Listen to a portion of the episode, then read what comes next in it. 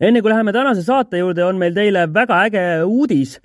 nimelt äh, oleme korraldamas kaheksateistkümnendal detsembril äh, sellist üritust nagu Kinnisvarajutud aastalõpu live ja kolme tunni jooksul alates kella kuuest kuni kella üheksani õhtul lülitame sisse ka videokaamerad ning meil on stuudiosse külla tulemas kuus väga erilist ja väga ägedat külalist. kolme tunni jooksul käivad kaamera ja mikrofonide eest läbi siis kinnisvaraeksperdid Mihkel Eliste ja Tõnu Toompark seejärel staarinvestorid Jaak Roosaare ja Raha Kratt ja naiselikku touch'i annavad siis äh, samuti staarinvestori staatuses olevad Kristi Saare ja Flippi ja Anni-Friit Põder. ehk siis mõnusad äh, kolm meeleolukat ja infot täis tundi saavad need olema. ja kui sa tahad sellest osa saada, siis äh, mine otsi üles koht, kus pääsed ligi piletiinfole ja müüme siis nii äh, online pileteid selle veebiülekande vaatamiseks, kui müüki tuleb ka kakskümmend vipp-piletit, mis kindlasti kiirelt lähevad nagu soojad saiad. ja need vipp-piletid annavad võimaluse tulla siis koha peale ja nende külalistega ka silmast silma mõned mm, sõnad vahetada ja kogu seda ülekannet siis äh, sealsamas äh, ruumis mm, jälgida. nii et piletiinfo kindlasti saadaval meie kinnisvarajuttude Facebooki grupis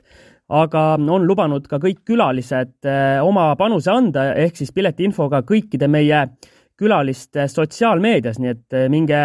uurige, follow, follow ige ja subscribe ige kõik Mihkel Heliste, Tõnu Toompark, Jaak Roosaare, Raha Kratt, Kristi Saare ja Sendid miljoniks blogi looja ehk Anni-Frit Põder. Ja saate sealt ka meie selle kinnisvarajutud aastalõpu live ürituse pileti info ja vastavad lingid. nii et vutt-vutt nüüd piletid ostma.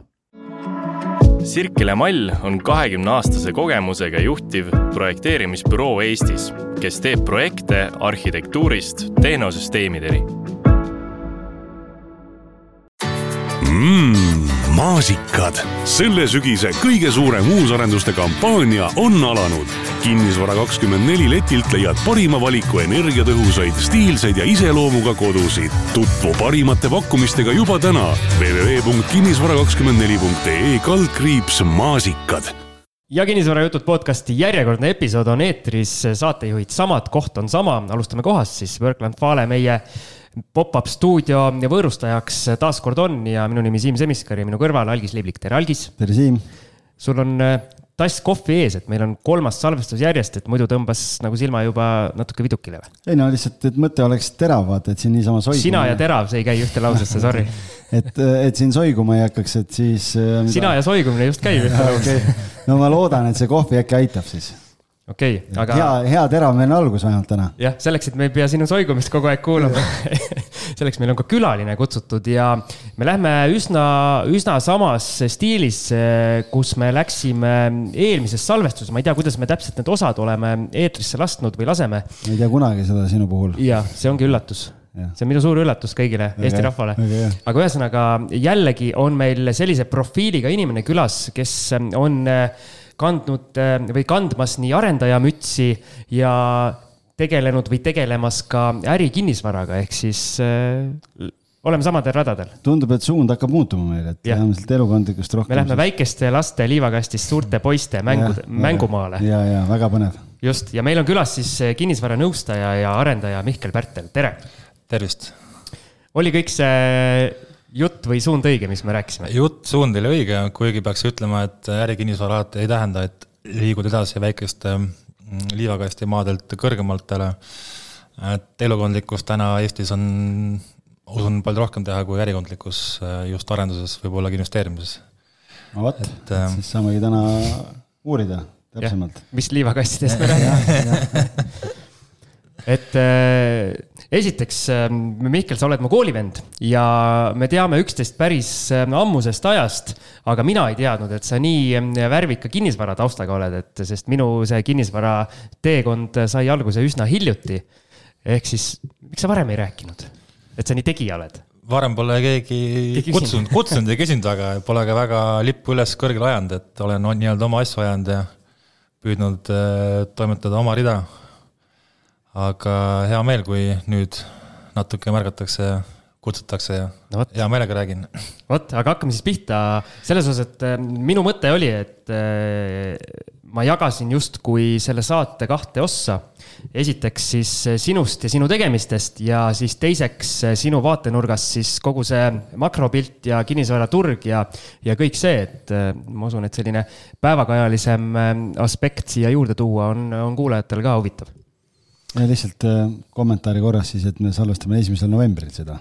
kinnisvaraturg on nii suures pidevas muutuses kogu aeg, et ega siin ei tea, mis siin nädalatega võib juhtuda. algis on veel siiamaani Halloweeni kütkes, et natukene on äh, silma ümbert on mingit musta värvi, et kas sa käisid ka seda kommi ja pommi? ja, ja käisin jah. käisid jah? aga pommist rääkides. pommid on ju laua peal sa just rääkisid mingi siili no,, mingi siilipommi loo. siin lugesin jah mingit uudist enne, nii et okay, aga... maailm on hulluks läinud aga lähme edasi, Mihkel, et äh, sa saatsid meile üsna pika ja värvika memo ja sealt tuli välja, et sa alustasid oma kinnisvaraalast karjääri siis üldse maaklerina ja seda väga huvitaval ajal. aasta oli siis kaks tuhat üheksa. mis sul arus oli? jah ja,, hästi, hästi huvitav. Eh, hea küsimus ja no, ei oskagi tagantjärgi võib-olla täpselt vastata, aga kui õigesti mäletan, siis just oli, ütleme, võib-olla keskkool lõpetatud mingisugused juhutööd tehtud ja ülikoolis eh, hoog, hoog sees. vaatasin, et, et, et, eh, et kinnisvaras tegelikult nagu inimesed toimetavad ka maakleritena, et turg nagu buumis eh, tol hetkel veel nibin-nabin ja seal liikus ikkagi summad ja rahad ja nagu ikka, kipud ennast võrdlema kellegagi ja siis nägid mingisuguseid äh, koolivendasid, kes võib-olla ei olnud koolis kõige kirkamad kriigid, kriidid, aga tegid maakleri tööd ja vaatasid, et täitsa lõpp nagu, mis elu nad elavad ja mis, mis elu nagu mina elan versus nagu ma ei tea, panus või töö, mis iganes. Ja siis mõte tegelikult oli, et prooviks siis äh, leida kinnisvaraalane töö, kuna kõik muu minu jaoks tundus selline võib-olla liiga kuiv või liiga ametlik, ma ei saanud nagu täpselt ennast äh, profileerida, siis kinnisvara tundus sihuke huvitav. ja võib-olla oligi see, et kipud võrdlema, siis nägin, keegi tegi ees ja mõtlen, et prooviks nagu, prooviks ka. ma tegelikult äh, tol hetkel õppisin majandust, kuigi ma alustasin tegelikult TTÜ-s õppimist ehitust aga ehituse poole pealt äh, aastat kaks õppisin, siis sain aru, et pole päris minu teema, et käisin nädal aega praktikal siis seda mäletan, et praktikajuht või siis mitte praktikajuht, vaid see tööjuhataja, kelle andi, kelle all meid pandi, oli siis saime kokku, siis ta rippus kolm-neli telefoni kaelas, mis aeg helisesid ja aeg karjus ja ropendas ja saatis mind kuskile objekti peale. ehitati seda Veereni tänavat veel,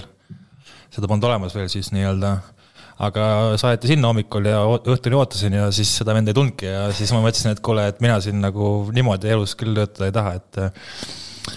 et äh, läksin majanduse peale üle ja sealt kasvas huvi ka nagu kinnisvara vastu laiemalt. kui ma õigesti mäletan, siis äh, olid mingisugused töömessid või mingi praktikamessid, ma ei tea, kas need tänapäeval keht-, on veel, aga, aga seal jäi silma, et äh, ma mäletan, TTÜ-s kutsuti kõik tahtsid minna tööle sinna Pricewaterhouse või oli üks mingi teise KPMG-sse, et tulge praktikale, tulge praktikale. väga sihuke prestiižne töökoht on, aga mind see kuidagi ei huvitanud või, või ei saanud lihtsalt, ma ei tea pigem ei saanud siin on see, et ainult parimat hinnet. ei no siis, kui ei saa, siis ütledki, et ega mind tegelikult ei huvitanud ka. Polnud minu rida, ühesõnaga läksin kinnisvarasse, kinnisvarasse sellepärast, et kuskil mujal ei saanud aga tegelikult kuskil, kuskilt seal mäletan, messil oli toona üsna veel noor ettevõte, oli üks partner kinnisvara, mis tegeles siis Harjumaal, Tallinnas kinnisvara hindamise, kinnisvara vahendamisega, neil oli toona veel vist elukondlik osakond ja ärikinnisvara oli ka nagu tulemas, et ja nad pakkusid kooliga alati üsna paindlikke tingimusi ja siis ma mõtlesin, et okei okay,, et äh, maakleri töö tundus nagu huvitav, sai teha nagu siukse semi poole kohaga. Äh, samal ajal käisin ülikoolis äh, ja siis tundus sihuke hea, hea nagu match, et enda raha eriti ei kulunud ja sealt alguses ka raha eriti ei teeninud, aga mingi tasu nagu oli olemas, mäletan. ja täitsa okei okay tundus see. kui kaua sa tegid? kui ma õigesti mäletan, siis ma läksin kaks tuhat üheksa. muidugi tabasin väga hästi turgu sinu minekuga hakkas asju juhtuma. minu tulek, minuga hakkas asju juhtuma. või, või just ei hakanud enam ei hakanud enam jah, tulin, tulin see, see Murphy seadus, Murphy seadus jah, et äh, aga läksin sinna siis äh, tööle ja sain aru, et siis tehingud kukkusid põhimõtteliselt kaks korda ja tehinguhinnad kukkusid ka kaks korda, aga noh, siis ma eriti ju tegelikult ei saanud aru, mis enne oli, mis praegu oli, ma lihtsalt olin, olin, vaatasin, et natuke vaikne on.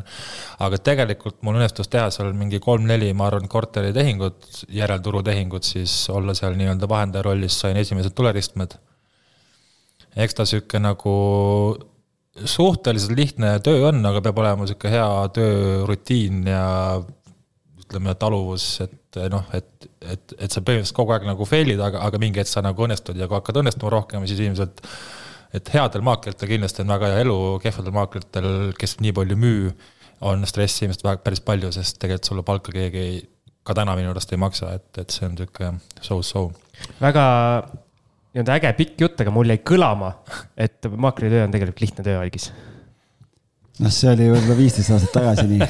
ajad on ikka ma ei, muutunud. ma ei taha öelda, et lihtne on, ma tahan öelda, et äh, inimesed, kes on sisse töötanud, kellel on väga hea töörutiin, kellel tuleb kliente peale, kes ei pea ise uksele koputama. sa ei pea vabandama, ma olen nõus sinuga, ma olen nõus sinuga siis, siis on nagu võrd-, võrdlemisi okei okay,, sul on väga palju vabadust, sul on tõenäoliselt väga, väga normaalne teenistus ja sa võid teha, mis sa soovid oma nii-öelda aja ja rahaga, et. ma siit jälle võtan võrdluse algisega, algisel ei ole üldse vabadust, ehk siis ta ei ole väga hea. aega ei ole, kogu aeg on nii kiire, et nagu jah no, lihtsalt pole siin midagi aga noh, kui sa võrdled, ma arvan, nagu pa-, panga, näiteks pangatöötajaga või audiitorfirma töötajaga mm., siis maakleril kindlasti on palju rohkem vabadust, aega oma vabadust asjadest. ja vaheldust ka kindlasti. vaheldust, äh, tutvuda uute inimeste asjadega, et ja kes tahab, võib selles valdkonnas väga ka targaks saada, kes ei taha, ei pea. et noh, sul ei pea olema mingi super teadmisi, peab olema lihtsalt ülihea töörutiin ja, ja mingisugune Äh, väärtus peaks endal olema ka, et, et noh, et kliendid sinu juurde tuleksid, see peaks olema inimeste inimene või kuidagimoodi noh, selles mõttes see ei pea olema mingi jutupaunik, aga lihtsalt ütleme, et kliendid peavad sulle meeldivad, siis sa tuled, noh, on lihtsam. Õnneks või kahjuks turg langes, langes nii palju, et ma otsustasin, et et ma lähen sõjaväkke kaks tuhat üheksa aastal ja see oli minu jaoks siis sihuke nagu noh, esimene kokkupuude, ma arvan, et ma töötasin seal kokku mingi ma ei mäleta, kas kuus kuud või üheksa kuud, aga sihuke periood. aga üsna turu mõttes tabasin jah, täpselt kümnesse, et noh, kõige kehvem aeg vist oligi kaks tuhat üheksa, kaks tuhat kümme, kui ma seal töötasin. aga elu on, elu on mind tagasi toonud aastaid kaksteist, kolmteist hiljem üks partnerisse ja mul hea meel näha, et väga paljud inimesed, kes seal siis olid maaklerid ja töötasid, töötavad ka tänapäeval ja olid siis edukad ja on praegu edukad, et ütleme, mingi kvaliteet ikka inimestes, mis nagu töötab, töötas siis ja töötab ka praegu. ja siis mingi hetk sa hakkasid hindama. ja mul hindaja roll tegelikult äh, võib-olla natuke oli ka teema, et eh, no see on mingi natuke võib-olla labane väljend, aga hindajad on kõik nagu enda arust üli-ülitargad ja maaklerid on kõik üli-ülilollid. aga noh, see on sihuke liiga kahte lehte löödud, aga ma mõtlesin ka, tahaks olla tarkade leeris, noh, leeris proovida, kas, kas tõesti olen siis tark või tahaks olla tark, on ju, et eh, ja lisaks hindaja töö võib-olla ei olnud nii tulus, aga ta vähemalt oli üsna püsiv ja said ka mingit kindlat tasu nii-öelda ja oli, oli tol hetkel mulle nagu sobivam kuskilt jälle kus TTÜ mingi stendi pealt või nägin mingi pindi kinnisvara väike lipike oli, et tahad, tahad, oota, kuidas see oli, umbes sihuke lause oli, mäletan, millegipärast mäletan, et kui tahad tavalist tööd, siis mine tööta mujal, et kui tahad äh, lennata, tule, tule meile või midagi sellist, no sihuke yes hüüdlause. Läksin sinna ja intervjuule ja siis sellised äh, ma arvan, et tänaks enam turul pole, aga siuksed äh, vanakooli kinnisvarateenuse äri dinosaurused võtsid mind vastu seal nii-öelda siis äh, ja olid hea meelega nõus tegelikult äh, käed lööma, kuna noh, liiga tihti vist sinna astunud sisse on inimesi, kes ütleb, ma tahaksin tulla tööle ja võtke mind tööle, tehke minust hindaja, et ma arvan, et keegi ei sünni, et kui keegi küsib, õpetaja küsib klassis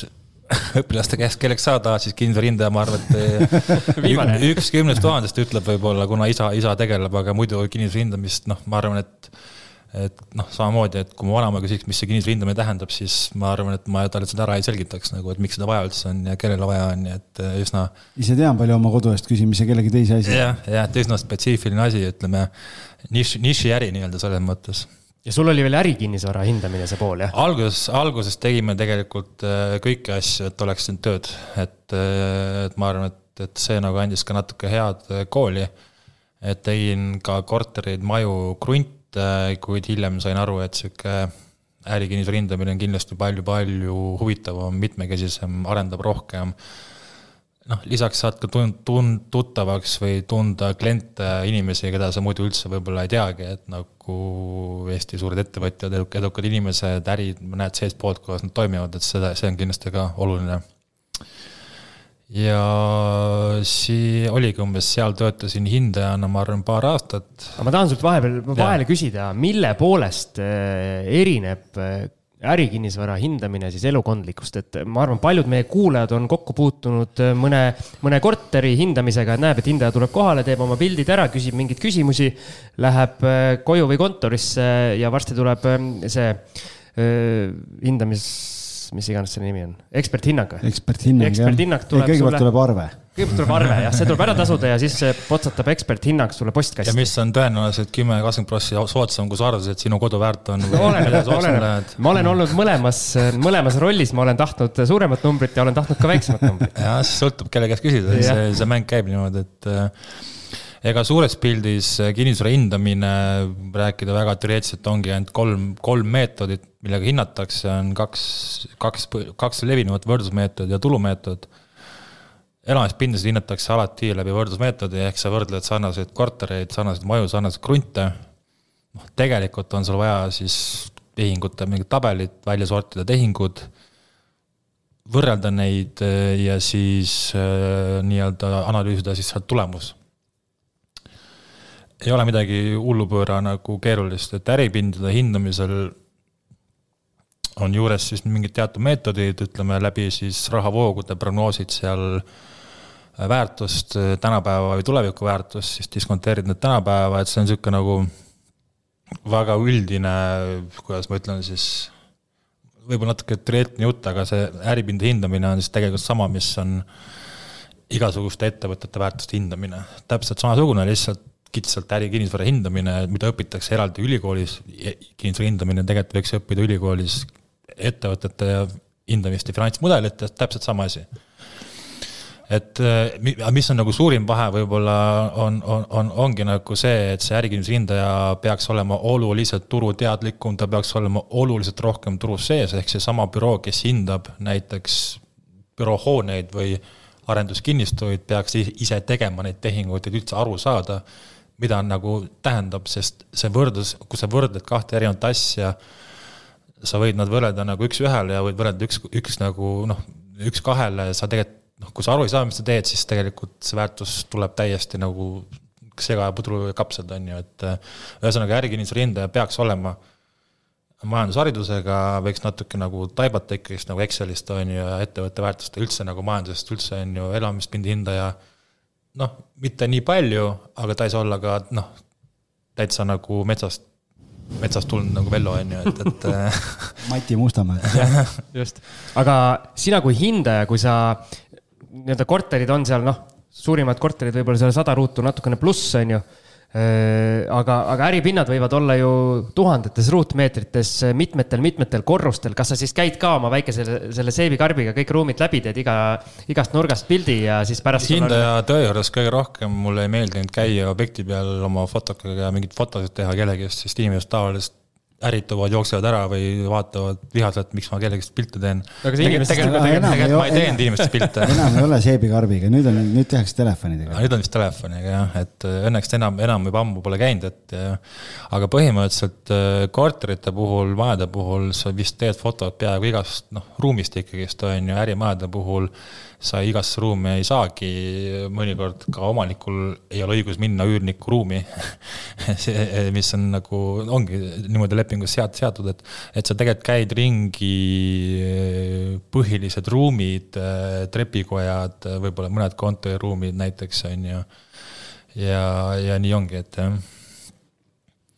ja siis. ärikinnisvaras kindlasti sa nagu üldist-, üldistad nagu rohkem ja seal see meetod ikkagist on teistmoodi, et sa hindad ainult läbi siis näiteks rahavoo, et mis on üüritulu, mingid kulud, mingid vakantsused ja tulumäär ja tuleb väärtus. kui Tõnis Teinemaa meil saates külas käis, siis me rääkisime ka sellest samast asjast, et seal tihtipeale tekivad käärid sisse, et äh, et ähm, müüja poolena sul on endal, noh, kunagi viis või kümme aastat tagasi oled ostnud, sul on väga hea rahavoog, ma ei tea, seal kahekohaline rahavoog on, aga müüd, ma ei tea, kuue või seitsme protsendi pealt, noh, hind on lihtsalt nii kõrge uh, -huh. et vaatad äh,, aga hindajal ei ole võrdlus tehinguid kuskilt võtta ja sealt reeglina tulevad käärid sisse ehk et äh, müüa soovitud hind, isegi kui sa võtad rahavoo baasil ja võtad sealt selle Ja. Selle,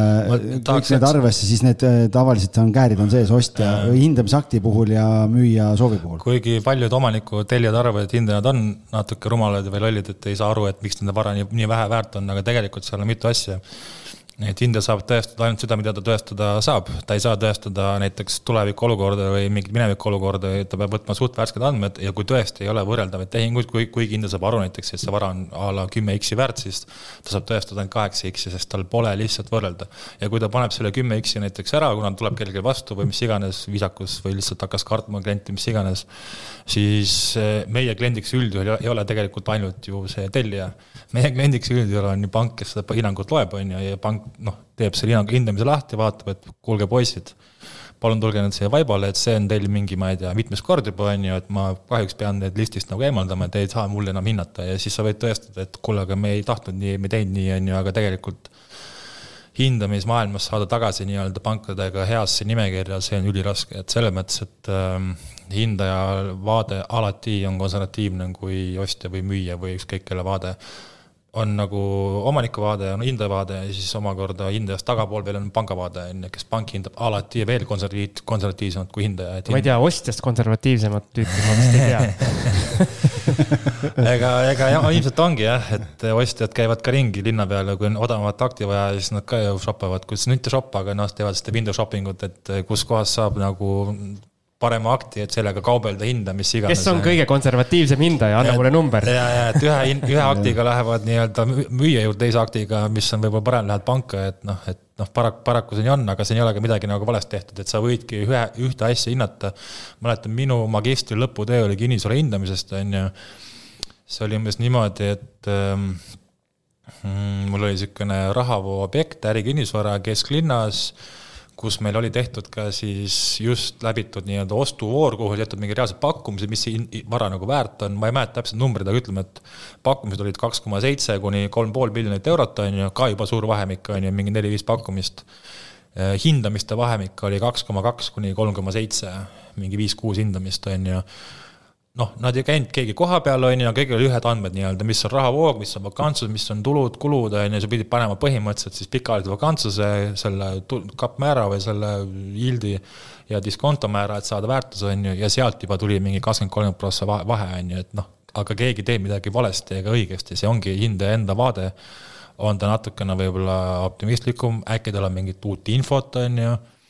aga tegelikult ülipalju tõde, tõde kinnisvara väärtusest tuleb ainult läbi turu, mis on ostja nõus pakkuma ja mis, mis on nagu müüja nõus vastu võtma. ja see on kõige, kõige lähedasem tegelikult äh,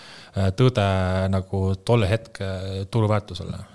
aga eks siin meie kinnisvarajuttude Facebooki grupis ka tõstatub äh, päris tihti mingeid teemasid või küsimusi, et hindaja on ikka täitsa jobu, et ei tulnud see number välja ja soovitage mulle mõnda normaalset hindajat, et. ja mina kui hindaja olen ka tellinud hindamisi ja arvan, et see teine hindaja on jobu, nii et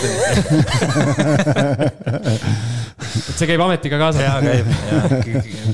see kirub, kisub nagu vanduma ja mõnikord ropendama, et, et et see, kui sa oma raha on nagu mängus, sellest sõltub mingisugune enda viis või kümme tuhat eurot, mis on mulle väga suur summa, siis noh ja paljudel teistel ka, siis sellest tegelikult noh, see ongi, kas sa paned seda raha või ei pane, on ju, et, et noh. ühel hetkel sa siis proovisid kätt ka korterite flip imisega, et eh, kuidas sa sinna jõudsid ja mis mahus sa lõpuks tegelesid? jaa, meil esimesed proovikivid võib-olla olid jah, siin kaheksa, seitse, kaheksa aastat tagasi.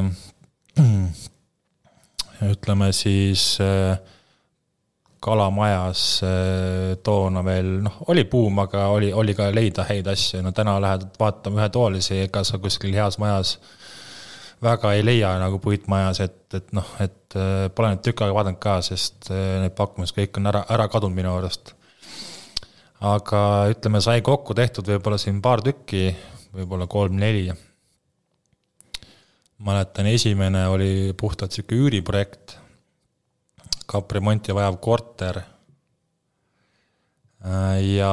ja selle renoveerimine ostsin nagu, ostsime nagu turuhinnas, andsin välja ka turuhinnas.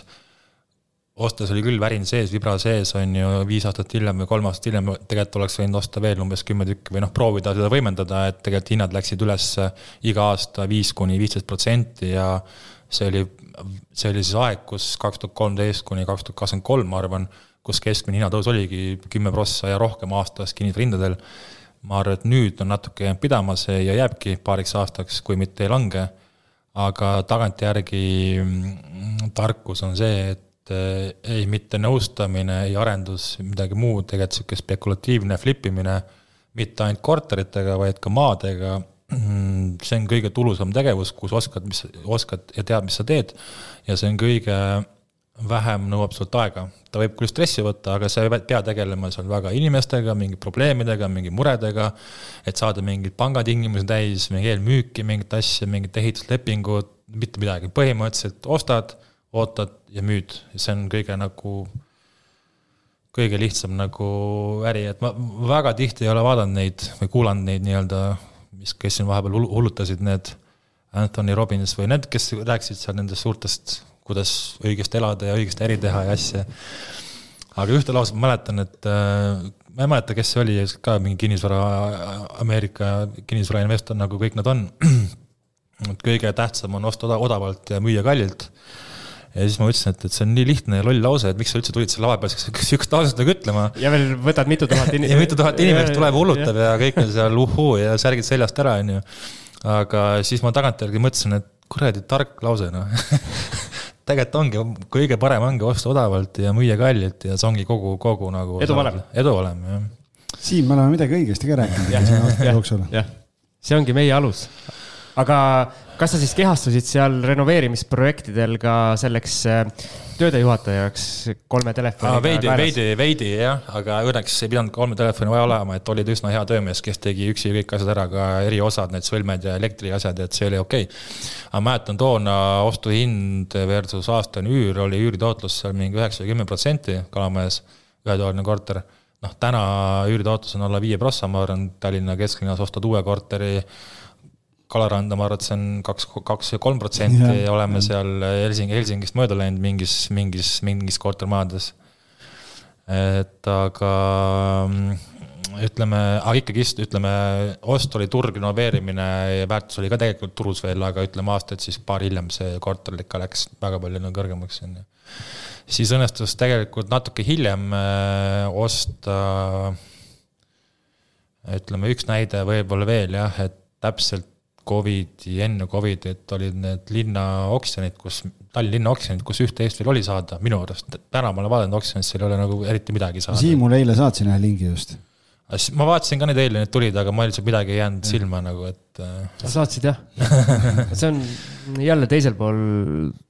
Tallinna linnas minu jaoks no,. valel pool Tallinna linnast siis. no kuule, Sõle. sa nii kaugele ei käi. ma ei taha läbi, no ma ei taha linna üldse sõita. jaa, saan aru aga siis oli võimalik veel, no oli ka nagu aja, alati tehingu, head tehingud on ajast, ajastuse küsimus, et võib-olla tol hetkel see oli nagu sõpradega tehtud sihuke diil, et äh, kahetoaline korter Kalamajas jälle päris heas, päris heas asukohas, maja oli ka okei okay,, selle kõrgema sokliga, kivitrepiga, et sihuke noh, normaalne Kalamaja maja ei olnud see Aguli maja, kus on see madal äh, sokkel ja kivitrepp ei ole, et siis oli kohe nagu keerulisem, et aga seal olid kõrged laed, hea vaade ja lisaks oli kõrge sokkel, et said nagu alla minna sealt, väike upside juurde, et ähm, meil kokkuvõttes oli seal pakkujaid tegelikult väga palju, mingi viisteist, kuusteist, aga meil õnnestus see kätte saada ikkagist äh, tol hetkel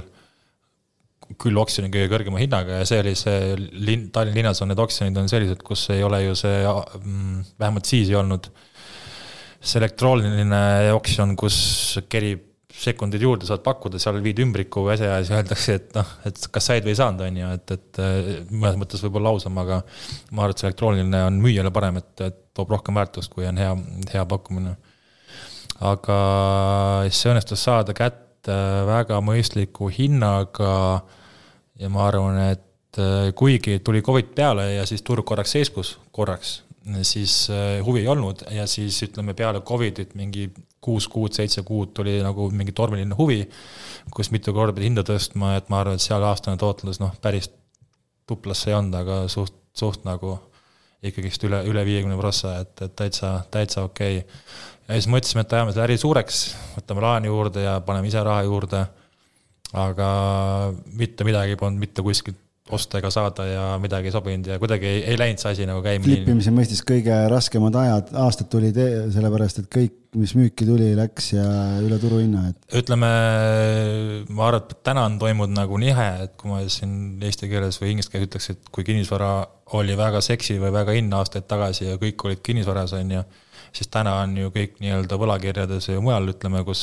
noh, kui ma räägin, kus see raha nagu on täna, on ju, et kui me vaatame neid pankade võlakirjade tootlusi ja huvi nende vastu, siis see on täna kahekohaline protsent tootlus aastas, mis ületab kinnisvara nii üüritootlus kui hinnakasvu, kui need kokku panna aastas. noh, kui ma ostan tulult korteri, annan üürile pluss korteri hinnakasv aastas, ma ei saa üle kümne prossa mõisu täna, et peab olema mingi väga hea ost, aga aga võla, panga võla, pankade võlakirjad, noh, okei okay,, nad ei ole küll kuidagimoodi nagu tagatud, aga ta on ikkagist nagu mitte nüüd suvaline ettevõte, ta on ikkagist, ikkagist pank nagu, et ma arvan, et paljudele see nagu töötab. et ise ka siin kasutame investorite raha ja raha kaasamist ja täna konkreetselt ega ei ole väga hea aeg kaasata kinnisvarasse raha. kõik tulevad, noh, kes panna tahab, jõukamad mingid, kes on harjunud panema ainult hüpoteegi tagatisel, teiste järjekorda keegi ei taha, ainult esimene järjekord, aga noh, kui pank on ka, siis kohe ei ole mingit teemat. et eh, kui kunagi võlakirjad sai, said nii-öelda siis ilma tagatiseta kinnisvaraettevõtted said nagu arendajad, ütleme siis, no osad saavad siiamaani, kellel on niisugune hea võib-olla väike investorite ring. Eh, et täna see, see aeg on möödas, kus sa seal kaheksa prossaga korjasid kokku raha ja panid selle edasi, nii et keegi ei teadnud, kus raha läks, kas ostsid auto või korteri, et noh, ma, ma arvan, et seda aega enam ei, ei, lähi, lähiajal ei ole. aga eks, äh, kuidas see laul oli, et äh, aastad mööduvad ja tuuled pöörduvad, on ju. ära, ära laulu sõnu too, sest see on oht, Siim hakkab laulma kohe ja see ei ole ilus. et, et, et ma arvan, et läheb natuke aega ja kinnisvara uuesti on teema, et siis, siis on ka võib-olla lihtsam, lihtsam nagu toimetada, et, et aga see korterite flip imine periood eh, minu elus väga suurt rolli pole kahjuks eh, täitnud, et tagantjärgi oleks võinud rohkem teha, aga eks elu on viinud sinna, kus ta on viinud, et. Eh. aga kuidas sa, sealt sa läksidki nõustajaks edasi või? ei, ei, ma tegelikult Pindis, Pindis tegin kinnisvara hindamisi, kommertskinnisvara hindamisi, siis hindamine mingi hetk muutus siukseks liiga igapäevaseks, et sihuke rutiinne, ei saanud sealt rattast välja, mõtlesin, et ma ei taha seda väga enam teha. kuigi ma sain need litsentsid, need vara, varahindaja, see on siis, et võid hinnata ärikinnisvara litsentsi, noh, tegin mingid eksamid seal asjad ja sain ka RIX-i litsentsi, RIX on niisugune välismaine nõustamislitsents, mis on ju, nagu Suurbritannia põhine, aga ta on globaalselt nagu tunnustatud, kõik, kõik, kes nagu on vähegi kinnisvarasektoris äh, tegijad, siis nad teavad seda RIX, see on eesti keeles RIX, aga tegelikult see on Royal Institute of Chartered Surveyors, mis on siis kont-, peakontoriga Inglismaal, kus on siis mitukümmend tuhat liiget üle maailma tegelikult ja see annab nagu tunnustust juurde. Eestis neid on veel võib-olla siin viis kuni kümme täpselt, ma ei tea palju. aga ühesõnaga see hindamisteema, kui ma sain kõik oma need uh, tiit-, tiitlid, nii-öelda tiitlid kätte, siis ma panin tegelikult pillid kotti tipus, sa lõpetasid tipus. aga kuigi ma tegin comeback'i veel, et mitte nüüd kohe, aga mingi aeg hiljem, et aga siis ma, Pindis sai nagu minust siis kommertsosakonna juht tol hetkel ja siis hakkasime seal tegema rohkem ka, ka kinnisvaratehinguid ja nii-öelda maaklerbürood paremini üles ehitama, on ju, niisugune kümme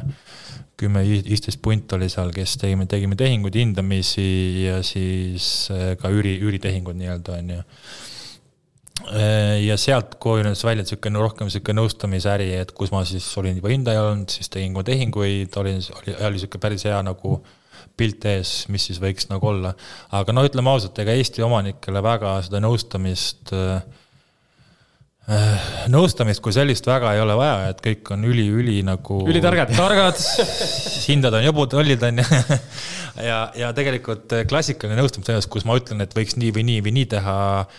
ega ma ei pruugi teadagi rohkem, muidugi mitte kui arendaja või ega, ega ei teagi, aga ütleme Äh, tehingute nõustamine võib-olla on niisugune äh, lahe fancy sõna, aga tegelikult oled sa saanud maakler nagu, nagu elukondlik maakler, lihtsalt on võib-olla teistsugused suuremad objektid, aga see tegelikult suurt nagu vahet ei ole, sa võid olla nii tark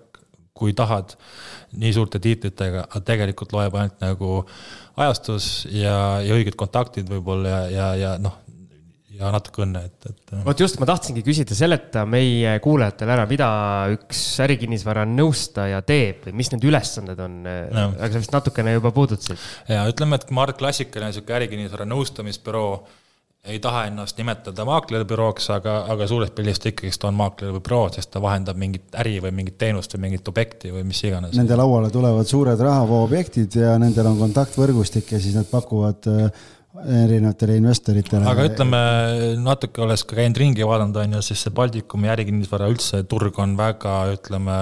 kuidas ma ütlen siis, mitte konsolideerunud, aga väga väike, ütleme, et kui ma lähed juba Poola või Saksamaale, on ju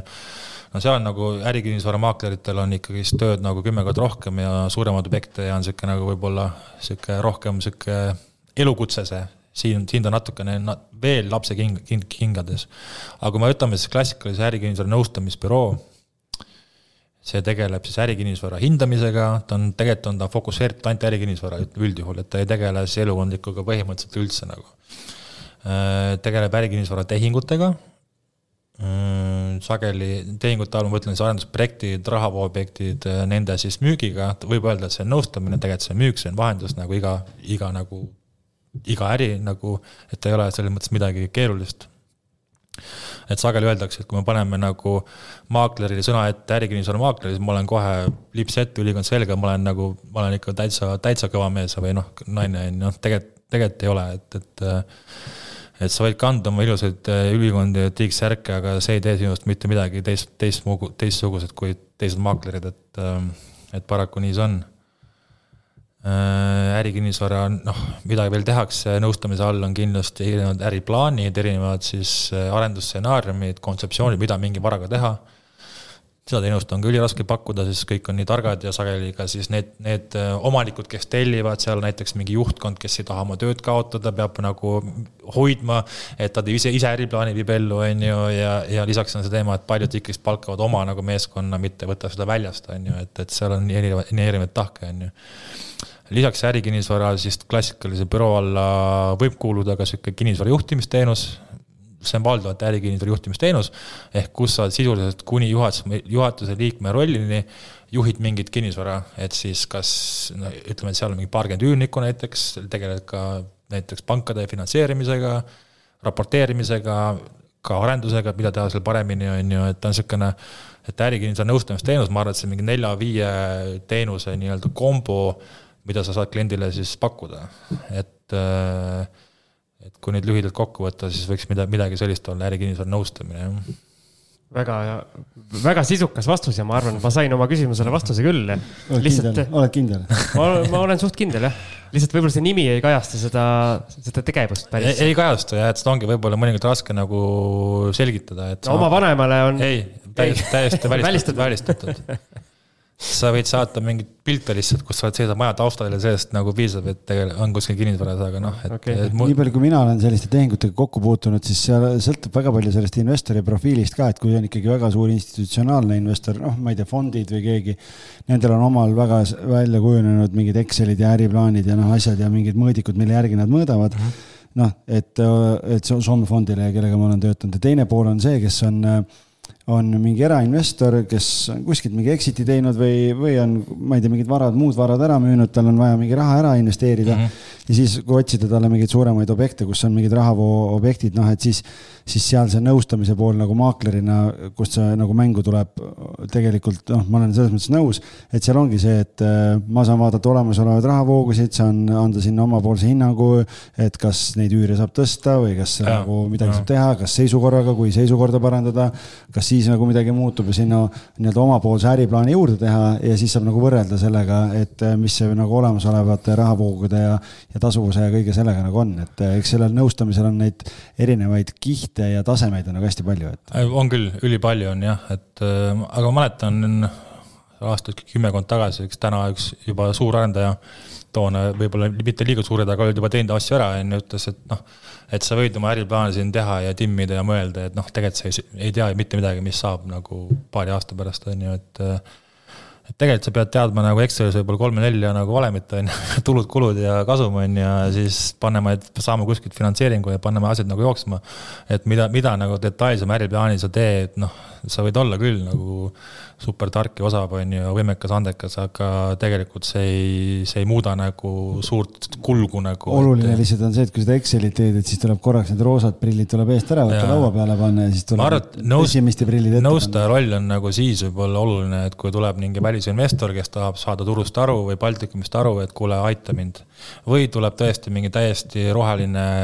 nii-öelda Äh, uusrikas, kellel on palju kapitali, tahaks kinnisvarasse, kinnisvarasse panna, tule aita mind, aga see, kes juba on kinnisvaras olnud, on ju, eriti võib-olla Eestis, noh, nad ei küsi väga mingit nõustamisteenust, on ju, et, et sa üritad neile öelda, et see on kallis ja odav. noh, tegelikult see on täiesti ükskõik, sest nad ostavad selle siis sellepärast, et neil, neil on vaja, usuvad sellesse, on ju, kas tootlus on, ma ei tea, seitse koma viis, seitse koma kaks, et kokkuvõttes, kui väga tahab, siis ta on nõus ka alla seitsme maksma, et see on tegelikult ei ole mingit nagu suurt äh, kunsti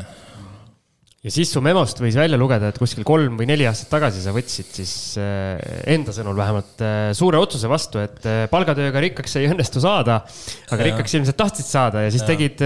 jällegi mitmed olulised vangerdused, et seal sulgudes mul on kirja pandud, et iseseisvalt hakkasid nõustama, siis tuli Covid ja siis ja. mingid kinnisvarafondi plaanid ja arenduse plaanid ja et jah, et see CV võib-olla on natuke sihuke tõesti loed on täitsa nagu vaatad, täitsa nagu tegija vend on ju, aga aga siiamaani pole nagu kahjuks või õnneks pole saanud äh,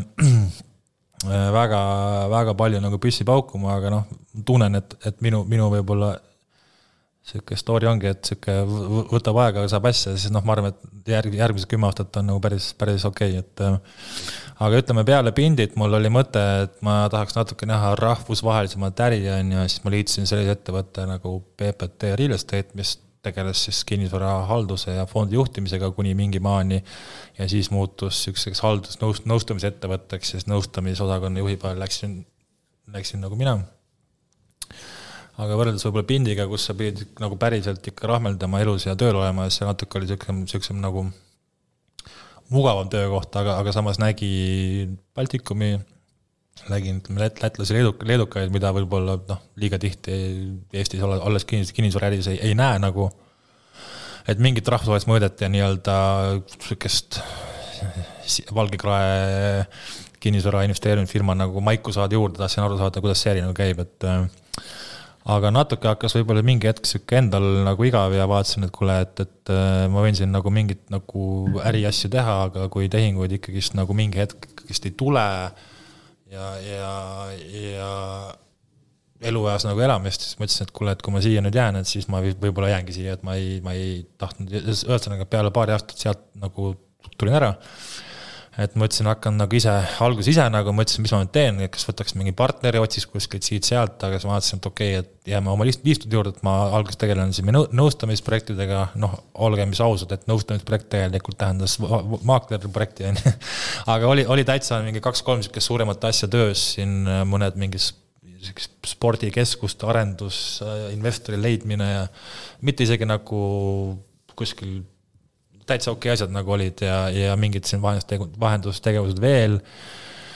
kus on nagu siis, kui saad pihta, siis sa võid tegelikult paari aasta nagu elamisraha saada või, või mingi algkapitali, mis iganes, on ju. kahe tehinguga tegelikult jõudsin päris kaugele, kus oli ikkagi kuuekohalised summad olid need nii-öelda tasud, on ju aga, aga noh, nii et juba nagu pakkumisse ja panka ja niimoodi, on ju, aga siis tuli Covid peale ja Covidiga päevapealt siis kõik projektid pandi seisma, lisaks mul oli siis ka tegelikult, et ma igapäevaselt hakkama saaks, oli mul siis paar sihukest investeerimisfirma või arendusfirma kliente, kelle jaoks ma mingeid asju otsisin. või siis tegin mingeid analüüse või panime kokku mingit materjali, et noh, investoreid leida. aga põhimõtteliselt päevapealt olid need siis, kui ennem oli viis X sissetulek, siis nüüd tuli üks X ja siis mõtlesin, et okei okay,, et täitsa huvitav olukord on ju. aga õnneks siis kõik suruti koju ära ja siis endal ka nagu raha eriti vist ei kulunud või ei olnud ja siis äh, noh, oligi see kodus mingi paar kuud ja siis vaatasid, et vaatasid, et mis, mis, mis saama hakkab. aga ütleme, sain seda siis freelancer'i elu elada võib-olla ütleme täiel rinnal võib-olla aasta aega, on ju, koos Covidiga. aga siis kuidagi, kuidagi läbi, ma natuke andsin ka, andsin ka nagu hindamisnõu mm, teatud ühes kohtuvaidluses ühe suurele ärikinnisvara omanikule ja, ja sealt kuidagi tekkis nagu kontakt, keda ma varem teadsin ka, sest tegelikult äh, Capital Milli omanikega ja nendel oli mõte, et kuule, et, äh, et leiaks uus, uut nagu raha Baltikumisse ja teeks kinnisvarafondi mis oli niisugune nagu väga lahe idee, ma ütlesin, et kuule, et, et kui ma ise oma asja käima ei saa, siis minu arust see on nagu Baltikumi mõistes minu karjääri oleks kõige noh, kihvtim või parem nagu töökoht, saaks olla niisugune valge kraega tähtsas kabinetis, nina püsti kinnisvarafondi juht mm. -hmm. Õnneks, õnneks seda ei juhtunud tagantjärgi võin öelda et äh, tagantjärgi võiks öelda üldse, et, et, et igasugune juht või, või töötaja olla nagu on, on pigem nagu kui tahad nagu vabadust ja, ja ma arvan, et ka jõukust nautida, siis, siis noh, kui sa, kui sa just ei ole mingisuguse Euroopa tippettevõtte juht, ega sa Eestis ikkagist väga palju ei, ei suuda teenida, et, et, et, et noh, et et see ei ole kindlasti miljonites, miljonites aastates, mis on nagu mujal, mujal Euroopas, kui sa ettevõtte juht oled, aga aga ühesõnaga kaksteist kuud, natuke rohkem, siis sihuke oli ka nagu osalus projektipõhine, tegime siis päris suurt tööd, et leida Baltikumi välisinvestoreid eelkõige Skandinaaviast, Kesk-Euroopast, Lääne-Euroopast ja ka Ameerikast. meil olid siis koostööpartnerid, kes mind aitasid asja teha äh, nii-öelda et teha uksi lahti, sest äh, olgem ausad, isegi kui sa oled Eestis näiteks, ma ei tea, sul on miljardiline fond või viissada miljonit eurot varasid hallata ega sind keegi seal vastu ei võta, et kuule, kuskil Euroopas, isegi Soomes nagu, et äh, palun, siin on mul teile, ma ei tea, viiskümmend miljonit, sada miljonit eurot, et investeerige see ja tehke nii, et et Eesti tegelikult on äh, kogu Baltikum tervikuna veidi niisugune keerukas piirkond, kõik vaatavad Baltikumi tervikuna, samas on erinevad keeled, erinevad kultuurid, erinevad ka natuke seadused mis teeb asja nagu keerulisemaks, et pindalad sama suur kui Soome so,, sama suur kui Soome, aga noh, näiteks Soomes on ju kõik maailma suurimad investorid olemas. Päris investorid on ju, Eestis jah, ütleme, ega neid investoreid nagu väga palju ei ole, on ju, et see, kui keegi kinnisvaramaakler ütleb, et tal on investor, on ju, siis ta tegelikult on ta mingi tavaline inimene kuskil nagu, kuskil tegelenud ettevõttes, kellel natuke raha, on ju. aga. BlackRocki ei ole, kes on kahe miljardi ja, euroga. jah, jah, jah, täpselt, on ju. aga tegelikult maailmas on nagu ülisuured kindlustusseltsid ja pangad, on ju, kes investeerivad varaklassidesse erinevalt ja teatud hulgas kinnisvarasse. Ja need on nagu täis professionaalsed siis kinnisvara noh, finantsinvestorid, kes võtavad siis kohapeal näiteks mingi endale selle fondi või fondijuhi, on ju, kes investeerib nende raha, on ju. et äh, Baltikumis, kui me vaatame ärikinnisvara investeerimistehinguid, esiteks need on umbes mm, neli-viis korda vähem, kui on nagu Soomes, mis on pindalalt ja rahvaarvult sama riik kui Baltikum, on ju, ja Poola, Poolas on noh, veel rohkem tehinguid, on ju et Eesti tehingud valdavalt on ikkagist Baltikumist tervikuna, seitsekümmend kaheksa protsenti jäävad kohalikud nagu investorid, on ju. et siia naljalt sisse keegi ei tule uut, et äh, raske on nagu leida, et äh, mitu põhjust. väiksus, natuke likviidsust vähe, et sa võid tulla siia osta, osta sisse mingi paarisaja miljonist varasid ja, aga sa ei saa seda müüa mingi hetk, kui seda likviidsust tegelikult ei ole, et sa pead ootama õiget hetke, on ju, et see on niisugune paar niisugust miinust, on ju. aga siiamaani tegelikult need, kes juba on teinud investeeringuid, ikkagist aeg-ajalt pöörduvad ja küsivad asju juurde, on ju. et äh, ühesõnaga, see kinnisvarafondi idee nagu oli ideena no, väga okei okay., meil ole, oli olemas niisugune seed portfoolio Eestis, või noh, niisugune seemneportfell, mida nagu siin soetada, oleks saanud tegelikult väga suure asja püsti kohe, võib-olla see Eesti, Eesti mõttes top mingi kolme sees kohe oleks olnud nagu portfelli mõttes. ja saime ka nagu taha tegelikult äh, päris tugeva ankru, kes meid nagu toetas in, in, investorina, aga ütleme äh,, mitu asja, Ukraina sõda, intressid äh,, Eesti muutus nagu tegelikult mingis mõttes nagu rinderiigiks, noh, teatud mõttes, noh, tegelikult täna seda ei ole, on ju, kõik kohalikud seda teavad, aga aga ka kaugelt vaatad kuskilt Londonist või Saksamaad, siis Eesti on ikkagist noh, täielikult noh, liiga lähedal. liiga lähedal ja liiga väike ja liiga Ida-Euroopa ja liiga nagu noh, me oleme tegelikult Helsingist mingi kuuskümmend kilomeetrit, on ju. et kui sa vaatad, kes on kohal Helsingis, noh, põhimõtteliselt kõik on kohal Helsingis, on ju, kõik jooksevad tormi, et osta seal kolme-nelja prossaga tootlusega kortereid, on ju, keegi ei taha siin, tol hetkel siin osta viie-kuuega, keegi nõus ei olnud, on ju, pluss hinnakasv, mis tuli siin kümme, kümme prossa aastas. seal hinnakasv oli võib-olla kolm prossa aastas, on ju, et noh kõik olid seal, keegi, keegi liitri lõunasse ei, ei tule nagu noh, aga ühesõnaga, see on võimalik, ma arvan, aga võtab aega võib-olla aastaid-aastaid, enne kui keegi siia hakkab päriselt nagu raha tulema ja investeerima, on ju. ja ütleme, see aeg, kui tuli ida, idast tuli palju raha ja kliente, see aeg, ma arvan, on täna jäädavalt möödas. Mm, peale Danske kriisi ikkagist, kui, kui nagu automaatselt on kõik suured Skandinaavia pangad äh, suletud, kinnisvara on ülimalt Äh, tihedalt seotud finantseerimisega, siis noh, siin ei ole väga, sul, sul ei ole konkurentsivõimet nagu, et osta mingisuguseid asju, kui sa saad laenu kas vähem või kõrgema intressiga, et see nii lihtne nagu ongi, et äh, aga õnne, jah, õnneks või kahjuks see projekt ka ei õnnestunud, on ju, ütleme, siin tuli mitmeid aastaid nagu sihukest ikkagist vett ja leiba süüa, et, et püsti olla, siis lõpuks äh,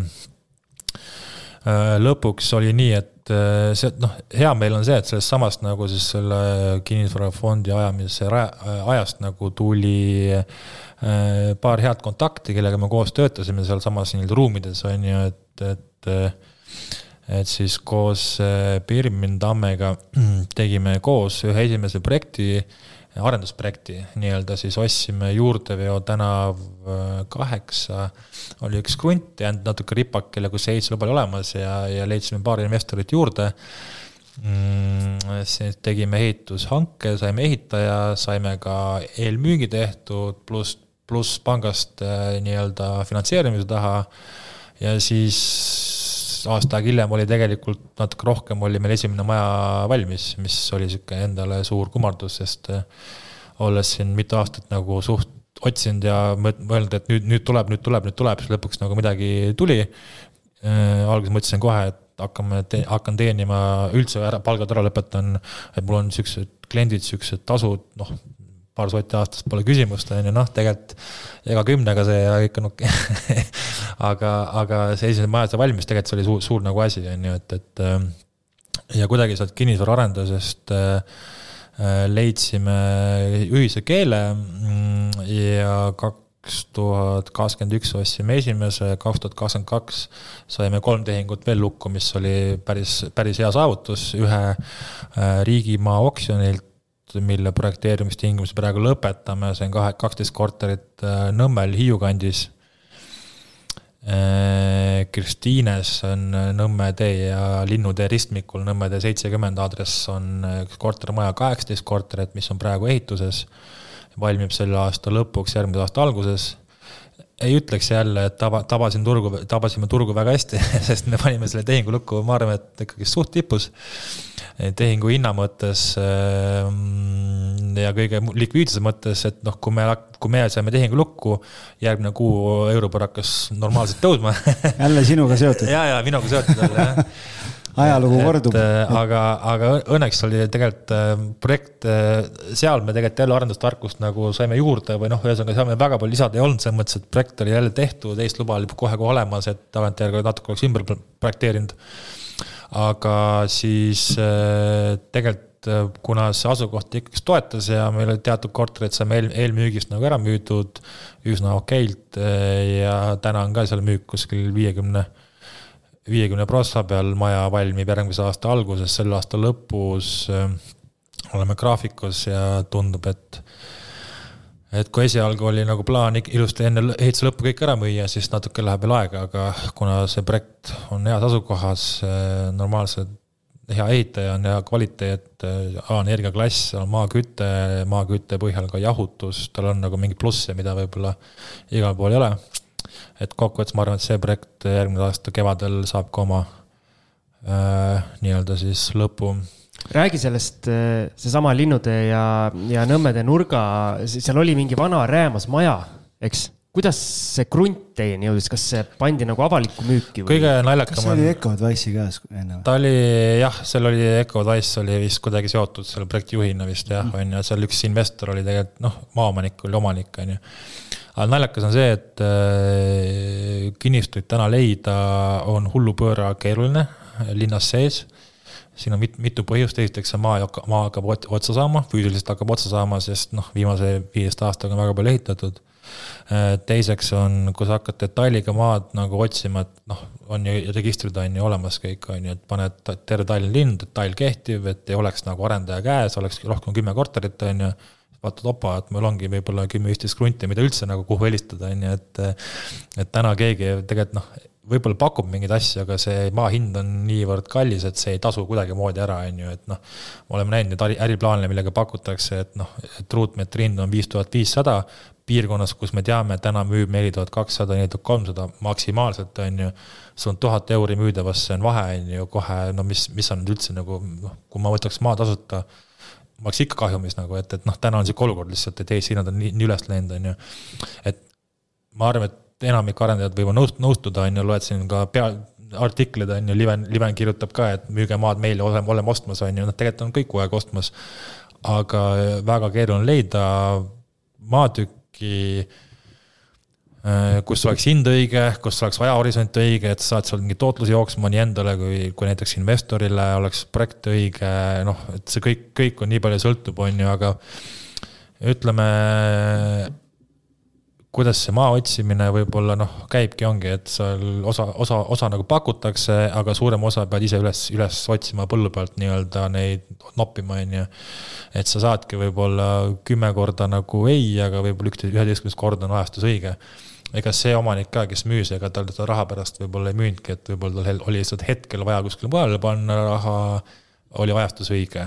Ja hind oli talle õige, meie oleks võib natuke soodsamalt tahtnud osta ta tagantjärgi, aga see ei olegi nagu oluline, sest ütleme, maa hinna sa saad alati nagu hiljem teada, kas sa ostsid nagu õigesti või valesti, sest üldjuhul, kui sa ehitama hakkad, on sellest maa-ostust möödunud juba mingisugune kaksteist kuud või midagi sellist, sest sa pead enne vahepeal projekteerima asju, on ju. et ma ei ütleks kunagi, et see maa hind oli kallis või odav. Äh, pigem saad seal alati nagu natuke hiljem aru, et kas siis nagu noh, maa hind eelarvest ongi võib-olla ma ei tea, kümme prossa, viisteist, mõnikord kakskümmend prossa, sõltub projekti, projekti suurusest, on ju, enamik on ehitushind ikkagist, on ju, et, et see, sellest sõltub väga palju, et kuidas saad. et ühesõnaga, kuidas see maatükk kätte jõuab, ongi ikkagist läbi, läbi juhuste, aga sa pead ise ka väga palju olema avatud ja kogu aeg tegelema, et see, neid pakkumisi sul tuleks ja peaks ise, ise olema aktiivne, et siis nii-öelda noppida neid kartuleid, otsida um-, umbrohu seest neid äh, pälleid, et. arendust te teete siis äh, Alpina kinnisvara brändi alt? jah minge, minge kuulajad, otsige, ostke need viimased korterid sealt ära. jah, et Alpina jah, on sihuke, sihuke arendaja bränd meil on ju, kus meil on siis täna jah, ütleme siis kaksteist korterit tehtud, täna kaheksateist on ehituses. Äh, ja üle saja korteri on siis nii-öelda ettevalmistuses on ju, millest siis kaksteist läheb järgmine aasta tõenäoliselt noh, ehitusse suurusjärk ja üks pikem projekt on äh, Laagri piirkonnas, kus me loodame kaks tuhat kakskümmend viis äkki teha niisugust suuremat sissejuhatust, aga see on niisugune juba niisugune pool, pool niisugune kvartal või linnak on ju, et, et, ähm, et äh, aga oleme väga aktiivselt praegu otsimas maatükke juurde tegelikult, et äh, leida, et kui kuulajatel on ka pakkuda midagi, siis hea meelega alati vaataks, et et võime teha erinevaid kokkuleppeid, kas osta või, või teha mingit investor deal'e või kuidagi koos teha, üks jääb maaga, teine tuleb rahaga, et, et neid diil'e tegelikult on väga palju, et, et. ja siis on selline ettevõte sinu nime taga veel nagu üks partner Advisory. jah, see on nüüd üks tore lugu, et kui ma kunagi mõtlesin, et ma nüüd sain hindamist tiitli kätte ja lahkusin, lahkusin tipust nii-öelda. lahkusid lavalt lahkusin lavalt äh, ja, ja enam suurte aplauside saate. jah, ovatsioonide taustal lahkusin, läksin kappi peitu, siis tegelikult aast-, aeg, aeg teeb mind tagasi, kuna ma, kuna võib-olla ma ise hakkasin rohkem mõtlema ettevõtjana, mitte nii-öelda, et ma nüüd olen mingi, ma ei tea, tahaks olla mingi investeer-, investeerimisdirektor või lihtsalt töötaja, ma ütlesin, et ma ei, tegelikult, tegelikult ma ei taha, et noh raha nagu selles mõttes ei haise, äri on nagu äri ja kuna ma olen selles teenusäris eluaeg nõustamisäris nagu olnud, siis äh, üsna kiiresti tekkis siis äh, Tanel Tarumiga nagu hea klapp või kontakt, on ju, kes on siis üks partner ja üks omanik. ja juhuse tahtel siis aastaid kaksteist või kolmteist hiljem siis olin jälle üks partner süsteemis, seekord siis oluliselt äh, nii-öelda paremas olukorras, kus, kui ma alustasin, on ju, mitte maakleri rollis, vaid siis ka nii-öelda ette, ettevõtjana. ja tegime siis koos sellise ettevõtte nagu üks partner Advisory, mis on ärikinnisvara nõustamise ettevõte, teenusettevõte, mis pakub siis samamoodi ärikinnisvara vahendust, tehinguid, hindamist, varahaldust, ärikinnisvara strateegiaid, äriplaane ja täitsa adekvaatselt ausalt vastan, et kuigi ütleme, täna turg võib-olla ei ole päris see, mis ta oli aasta-kaks tagasi, aga siiski on olnud üsna, ütle üsnagi, et väga, väga hea aasta. oleme teinud siin kaks suuremat äh, tehingut. see aasta müüdi ära siis äh, Lembitu Hermitaaži hotell, meil õnnestus olla siis müüja esindaja ja leidsime sinna siis ostja, mm, kes nüüd siis äh, ja tehing toimus selle aasta kevadel, varasuvel, et siis üks kinnisvaraarendaja on ju siis täna mm, tahtis rohkem võib-olla rahavoogu osta ja leidis, kuna ta ühe hotelli Iibise seal Juhkentalis oli, oli üles ehitanud nii-öelda ja oli äris sees äh,, siis tal oli mõte, et kasutaks oma portfelli ja oli, oli õige hetk, eks see, eks see tehingud ongi alati ajastushetk, et tegelikult needsamad hotellid ju ringis, liikus ringi võib-olla aastaid juba enne, kui leidis ostja, on ju, erinevate vahendajate alt ja nii edasi ja nii edasi, aga aga ärikinnisvara tehingud ongi üldjuhul ajastuse küsimus, mitte nüüd nii, niivõrd, kas müüb, müüb see või teine, aga aga just ajastus, et on olemas ostja, kes tol hetkel tahab ja saab osta ja müüjal on ka nagu adekvaatne hinna, hinnalipik, et see on hästi oluline. Äh, et see tehing õnnestus ära teha,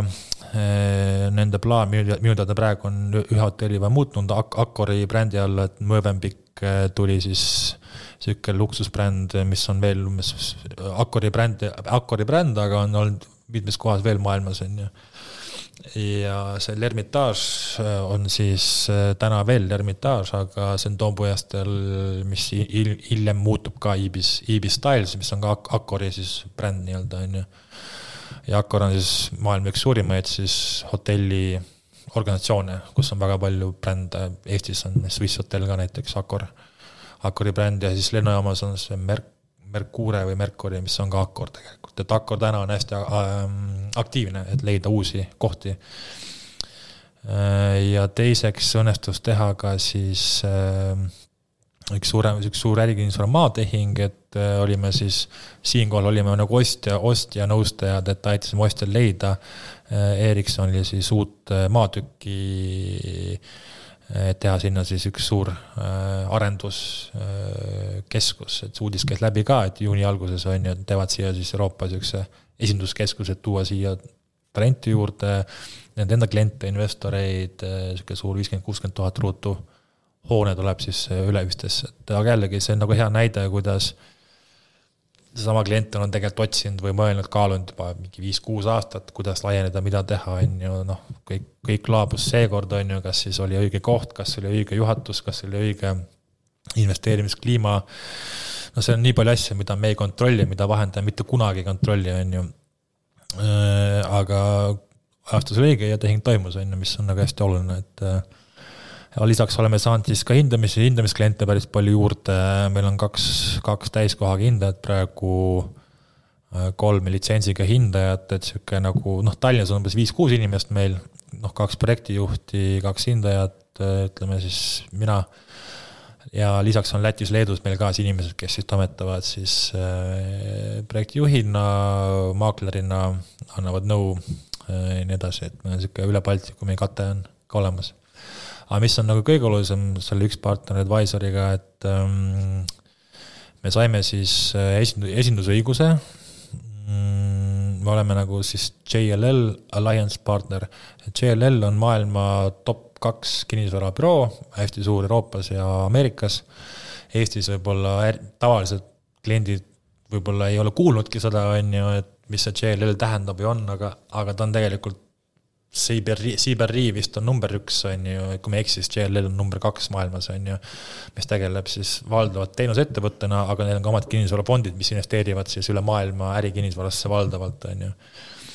et saime siis eelmise aasta alguses lõplikult nendega siis raamlepingu paika, et me oleme siis nende esindaja Baltikumis, mis annab meile, see on natuke võib-olla niši, ärikinnisvara niši nagu teema aga ta annab meile sihukest rahvusvahelist tausta juurde, annab ja meile võimaluse püüda suuremaid äh, kliente. kas seal kuidagi sinu varasemad kontaktid tulid mängu või kust kaudu teil selline? see tegelikult see, see, see kontakt on olnud töös juba aastaid, juba enne mind, ütleme selle ettevõttega käis kaasas üks partneriga varem nagu äh, ja aga minu ajal oli see, minu tulekuga minu üks kindel soov oli see, et me võime nagu neid, noh, nende kliente ju teenida ja tegelikult oleks ju tore või lahe, kui meil oleks ka mingisugune päris nagu raamleping, et, et ei oleks niisama, et hõlma alt, kuule, meil on koostöö sellega, et kuule, meil tegelikult, olemegi need, on ju, et, et et see oli, see oli juba varem tegelikult see koostöö olemas, et natuke lihtsam oli, on ju, aga ega neid uksi ütleme, ülisuur kooperatsioon, ütleme, neid uksi lahti teha jälle ülikeeruline, et äh, jällegist tänu, tänu Tanel, Tanel Tarumile saime siis läbi ühe hea kontakti, kes oli võib-olla e-, endine siis JLL-i üks juhtkonna liige, nüüd ta oli justkui vabakutseline, et tema tegi meil päris palju uksi lahti. et kui sa lähed kuskile, noh, sa isegi ei tea, kuhu poole pöörduda, kas peaksime minema Poola, peaksime Londonisse, pärast see inimene, kellega me tegelesime üldse, oli Hispaanias, on ju. et läbi Hispaania tuli see nagu see nii-öelda siis lõplik otsus ja asi ja et mis on nagu veider, aga, aga nii on, on ju. aga ma toon näite, äh, hiljuti käisime ka Poolas, äh, Poola nagu kontoril külas JLL-il ja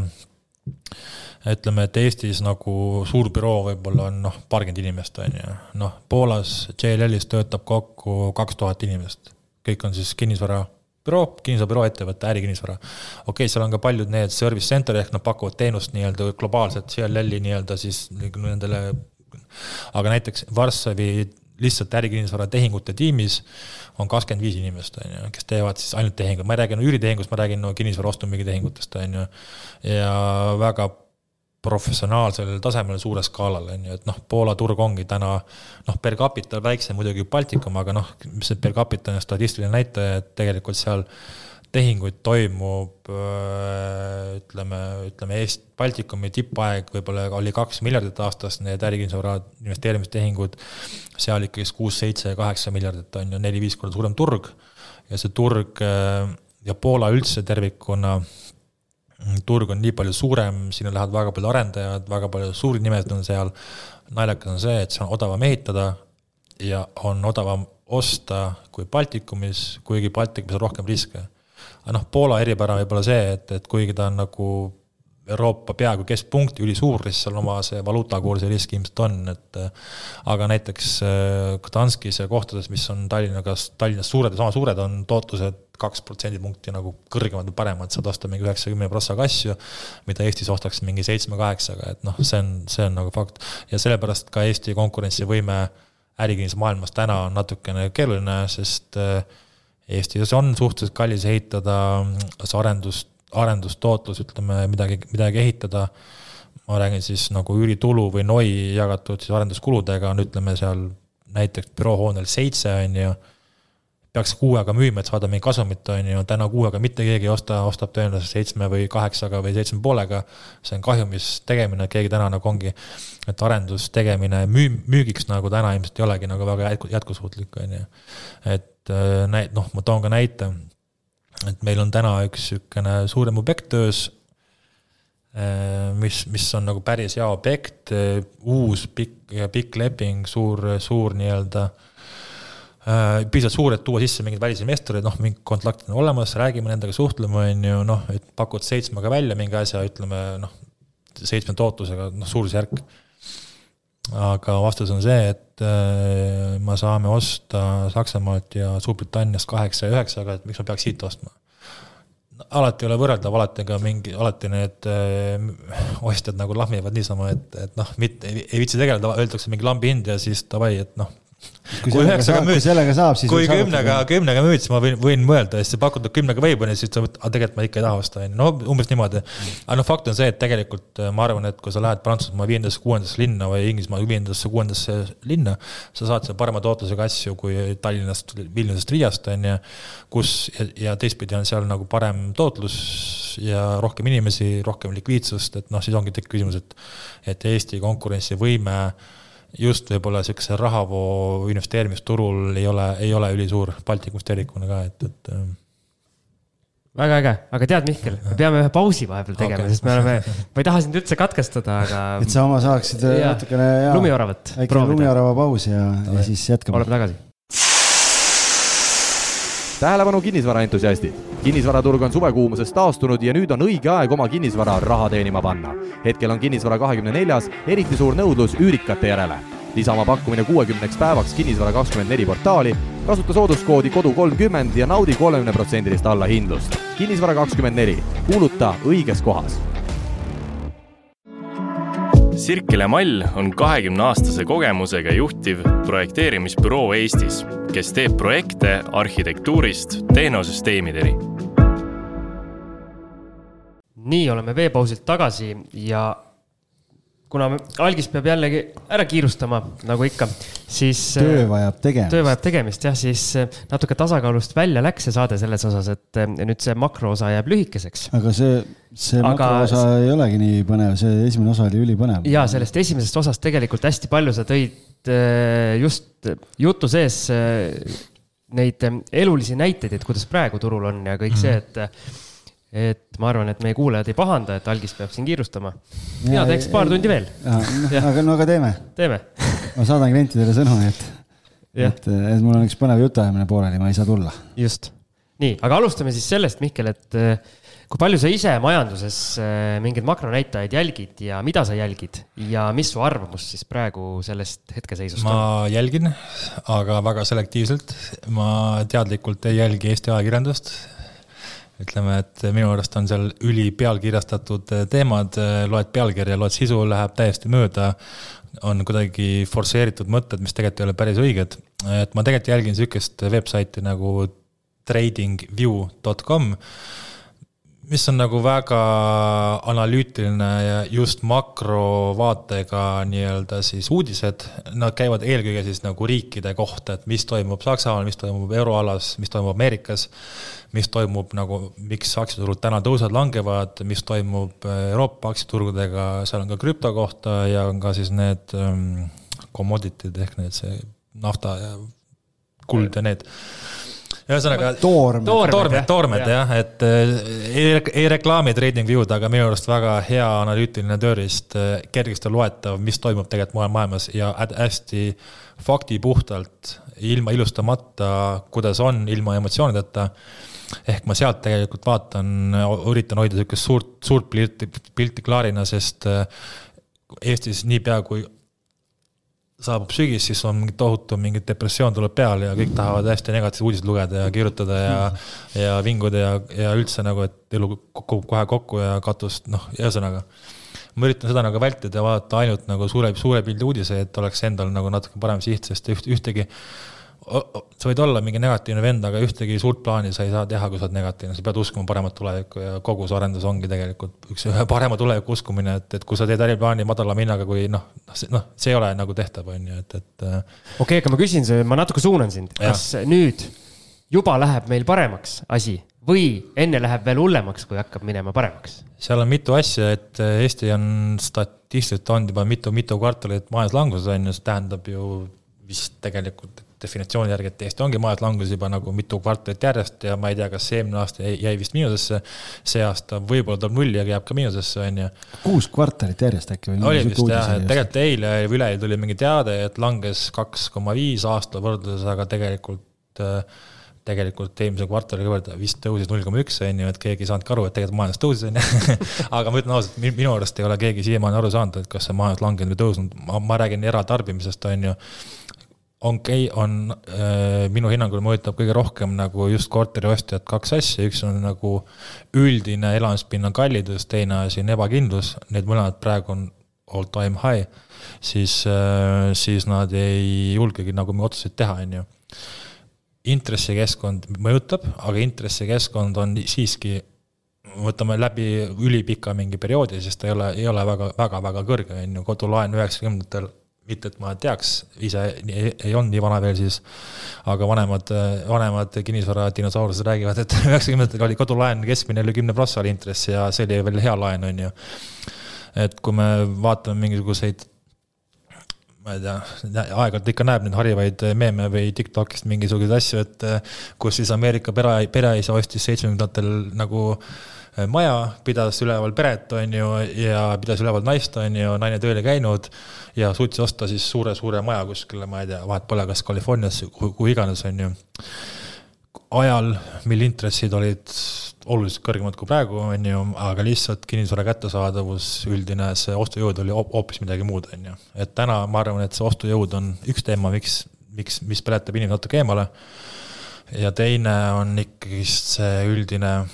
ebakindlus, kaks asja, aga kas me oleme möödas või mitte, on ju, olen siin aeg-ajalt ka kuulanud, ütleme siis, kus ma veel nopin mingeid mõtteid, on kindlasti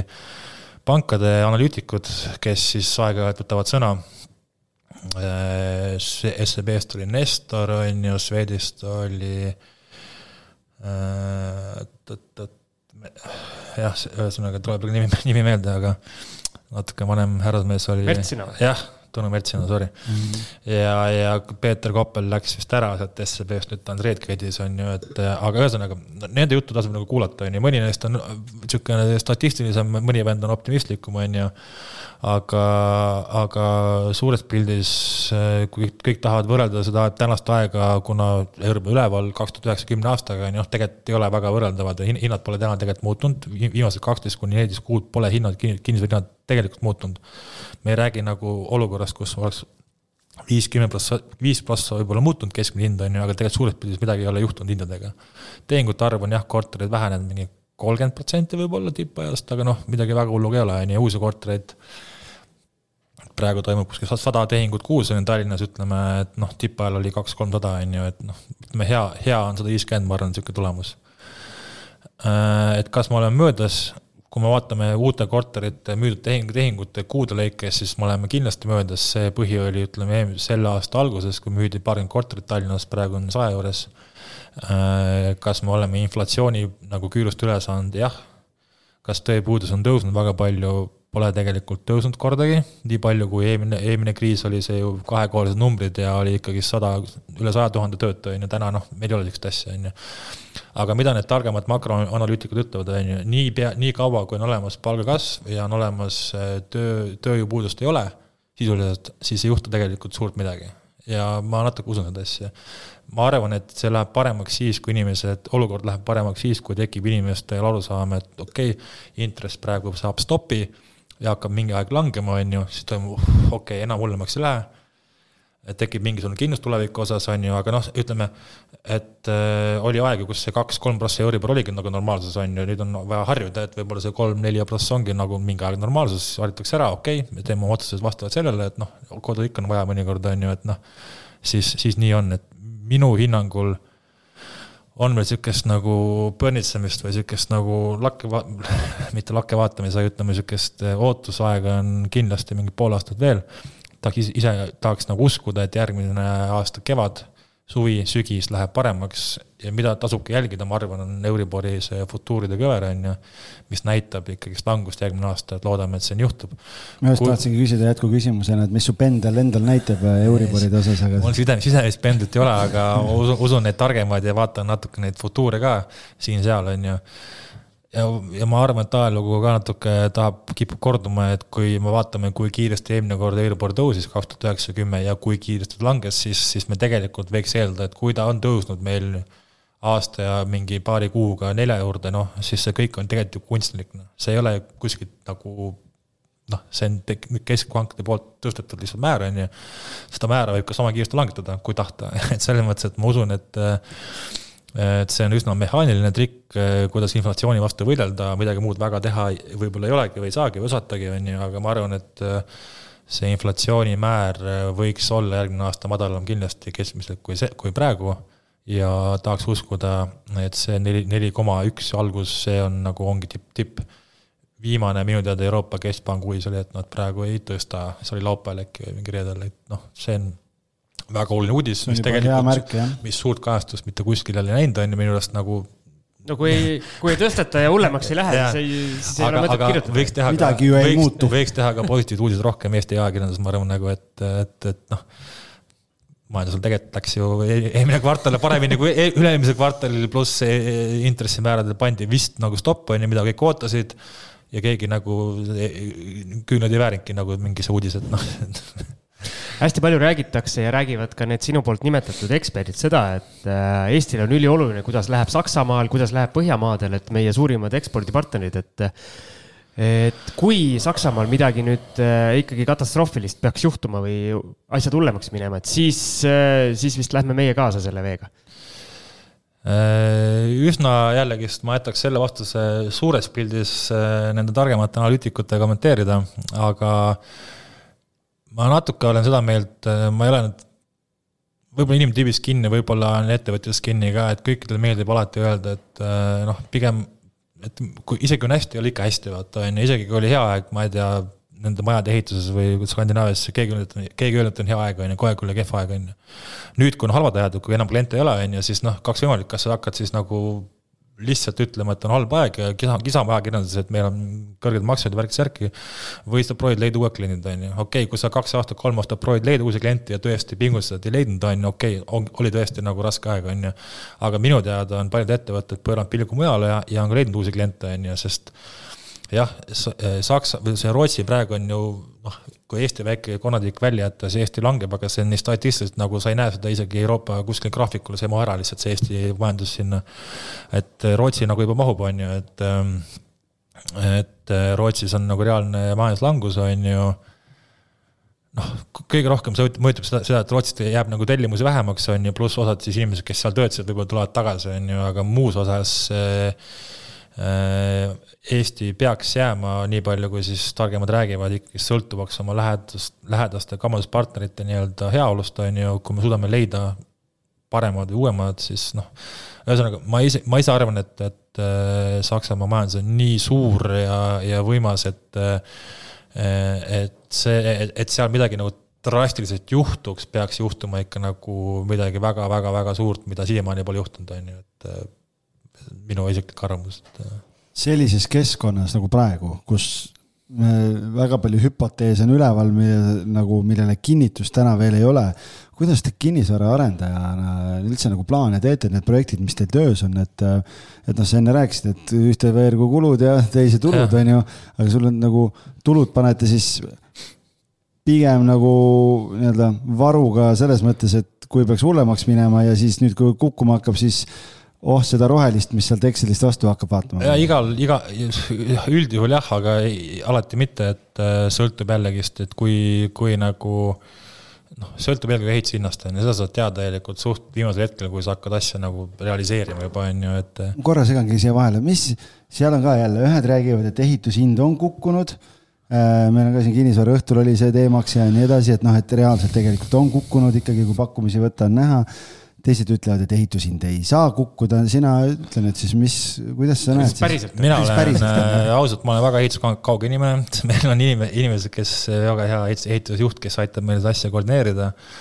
aga ehitushinna kommentaarid minu teada alati on hästi siuksed, ähm, kuidas ma ütlen, need, need on väga raske kuskilt kinni haarata, sest sa ei tea, mis läks odavamaks, kas läks projekt odavamaks, kas läks kallimaks, kas sa pidid tegema mingid sõlmed ümber, mingi teistsuguse vundamendi üliraske kommenteerida, mis täpselt keegi meedias ütleb, et jah, on langenud kümme protsenti, on tõusnud kümme protsenti, siis no millega võrreldes, kuidas, see on nagu täiesti noh, müsteerium. mida, mida ma võin öelda omast kogemusest, kus on nagu reaalsed numbrid taga, et eh, mõningane langus on tõesti olnud, ütleme, meie ehituse jooksul, me ei saa rääkida mingist kümnest protsast, aga ütleme võib-olla neli, neli, paar protsenti kindlasti kuni viis, et mingid asjad, on ju. Äh, kui ma, ma räägin perioodist, siis võib-olla selle aasta algus kuni tänaseni. aga suures osas äh, me ju ka nagu näeme kõrvalt neid ehitushankeid või ikka uurime ja küsime, on ju, mingite sarnaste objektide kohta, mida me teeme, on ju, noh, ega seda langust kuskil nüüd küll näha ei ole, et nüüd enne ma ehitasin, ma ei tea, brutos tuhat nelisada, nüüd ma ehitan tuhandega või tuhande kahesajaga, nagu kunagi oli. no sihukest asja ma ei näe nagu, et võib-olla võib-olla paar protsenti, viis protsenti. ega ehitusinimesed saavad ise paremini öelda, on ju, aga väga suur osanikest ka materjalid ja tööjõud on ju, tööjõud iga aasta ju kasvab, ütleme, palgakasv on mingi viis kuni kümme prossa aastas reaalselt. ja toor, toorained või materjalid on ju, okei okay,, see teras on tulnud väga palju alla, on ju, nafta ka vist on, kus on need materjalid nagu päris palju on, noh, see sarvus ja need no ma ei hakka, ma ei hakka targutama, ma ei tea tegelikult aga tundub, tundub, et sa tead. Siim kogu aeg targutab, kuigi ta midagi ei tea, et nagu selles mõttes meil on okei okay.. sa pead jätma mulje, et sa tead. ma räägin nagu, ma ei tea väga detailselt nagu, mis, mis, mis langeb ja mis mitte, on ju. aga, aga kaks olulist komponenti, tööjõud ja materjal on ju, need pole tegelikult nagu noh materjal on tagasi tulnud, aga tööjõud mitte üle edasi. et kuskilt ma ei näe seda mingit võluvitsa, et nüüd peaks hind, hind langema kakskümmend prossa, nagu see ei ole nagu reaalne, et ma ütleks niimoodi, et ehitushind on sama või tõuseb inflatsiooniga samas tempos iga aasta, et noh, see on minu kogemus. aga minu kogemus on võib-olla sihuke lähe, lähedal kogemus viimased kaks aastat. ehitajad kindlasti saavad rääkida perioodist kakskümmend aastat, on ju, et noh, aga see on minu praegune kogemus, et aga tead, me peame hakkama lõpu suunas tüürima ja meil on sellised kaks üsna tavalist lõpuküsimust, mida ma sinu äh, spetsiifikast lähtudes veidi modifitseerisin. ja ma alustan äh, sellise, sellise küsimusega, et mis nõu sa annaksid meie sellistele kuulajatele, kellel on samuti soov mingil hetkel siis kinnisvaraarenduses just kätt proovida, et kuidas võiks seda teekonda alustada? Ma saan aru, see sinu algus oli hästi, hästi mitmekülgne ja käänuline, kuni sa lõpuks arenduseni jõudsid, aga kuidas nagu lihtsamalt? sa oled kõik teekonna läbi käinud, kes tahab nagu shortcut'i nagu, teha. et sa proovisid kõike. ma olen, ma olen, ma olen ka kuulanud edulugusid arendajatest, kes alustasid kaks tuhat kaheksa, üheksa, kümme, üksteist, kaksteist on ju, kus ostsid siis võib-olla ütleme krunte ütleme viiskümmend, noh paarkümmend ühikut korterit ja krunt maksis seal sada, kakssada tuhat eurot, on ju, okei okay,, oli ka teine müügihind alla kahe tuhande ruutmeeter, on ju ja ostsid nagu oksjonit või kuskil piir, ma olen ka ise müünud arenduskinnistuid kaks tuhat neliteist, viisteist, kuusteist, kus sa teed pakkumise kahekümne arendajale. meil on sada kakskümmend kort-, sada kakskümmend korterit heas kohas, Peetrus on ju, null huvi, no null huvi on ju aga viimase viie aastaga läinud see kinnisvaraturg nii aktiivseks, et seda ma-, maasid kätte saada on üli-üliraske, on ju. kui sa tahad olla, nimetada ennast nagu arendajaks, tuleks nagu kõigepealt see maa kuidagimoodi kätte saada, kas teha mingi diil, osta see, teha mingi koostööleping, on ju. vallutada äkki. aga nüüd, kui sa oled nagu suvaline mees metsast, on ju, tere, ma tahaks osta maatükki või koostööd teha, on ju, mitte kedagi ei huvita, kes sa oled sa võid olla ka suur kinnisvaraarendaja, ikka ei huvita ja noh, täna on sihuke aeg lihtsalt on ju, kus kõik arvavad, et nagu nende maa hind ainult kasvab ja kasvab, kasvab, on ju. et ühesõnaga, mul tegelikult ei ole täna head nõu anda, sa võid väga, väga palju ka tööd teha, et neid kinnistuid nagu leida või otsida. Äh, aga seda tabada, seda hetke, kui keegi on nõus müüma või tahaks mingit diili teha, ega neid, need liiga tihti ei, ei liigu täna isegi on aeg nagu, isegi see, isegi on aeg kehva nagu, et ost-, nagu müüa, müüa kinnisvara kortereid. ikka on maaomanikud äh, üsna nagu kinnised, puised, ei taha nagu ja, ja nii on, et võib-olla, võib-olla on Harjumaal see lihtsam kui Tallinnas sees, aga Tallinnas sees on üsna, üsna keeruline leida häid asju. ühesõnaga väga head soovitust ei ole mm,. ma olen alati mõelnud, et väga väikseid ka ei tahaks teha, et osta mingi katusekorrust tegema hakata. esiteks sa ei saa sinna ehitajat nagu normaalselt, sa pead ise projektijuht olema. noh, seal on nii mitu asja, on ju, et, et, et leida mingi normaalne asi, kus on ka mitte viiskümmend tuhat kasum, vaid ütleme viissada tuhat kasum, noh siis mida saab ka juba jagada investoriga näiteks on ju. ega neid liiga lihtne leida ei ole, et ma ei taha olla nüüd pessimist nüüd pole olemas, aga liiga lihtne täna alustada ei ole, ma tahaks, ma tahaks öelda tagantjärgi, et kümme aastat tagasi oli lihtsam aga alati võiks öelda, et muru, muru oli rohelisem siis, kui siis, kui ma olin noor, on ju, aga tegelikult noh, ei, ei ole head ühist nõuannet, lihtsalt tuleb olla ettevõtlik, igal ajal on omad nagu plussid-miinused, on ju, täna võib-olla kinnisvarandus polegi üldse see, kuhu peaks suunama, võib-olla peaks ootama ära, kui hinnad hinnad stabiliseeruvad ja ostjad tagasi. et ka paar arendajat, kes on juba saanud nagu jõukamaks, targemaks, ütlevad, et kuule, aga ma, kõige targem on nüüd aasta ja poolteist mitte midagi teha. Ja noh, võib-olla see ongi tõsi. et täna rapsida, teha mingi pingul äriplaan, mõelda, et nüüd ma hakkan tegema, raiuma, no see ei ole võib-olla kõige parem.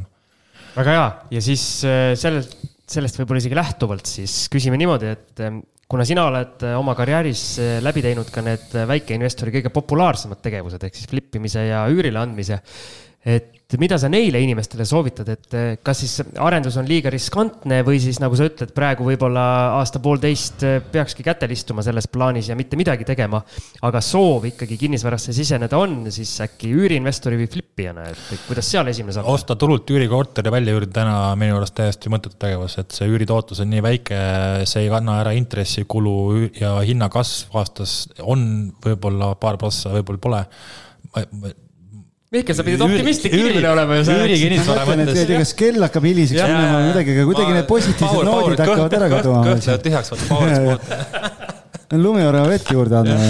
aga kui, kui tuleb mingi häid, häid objekte, mida osta ja kus sa näed, et nagu on natuke mingi soodsam hind või mingi kiiks, kiiks on juures, siis muidugi tuldi osta, on ju, aga lihtsalt, et mul on raha, ostan kinnisvara, täna ei ole nagu tegelikult, tegelikult nagu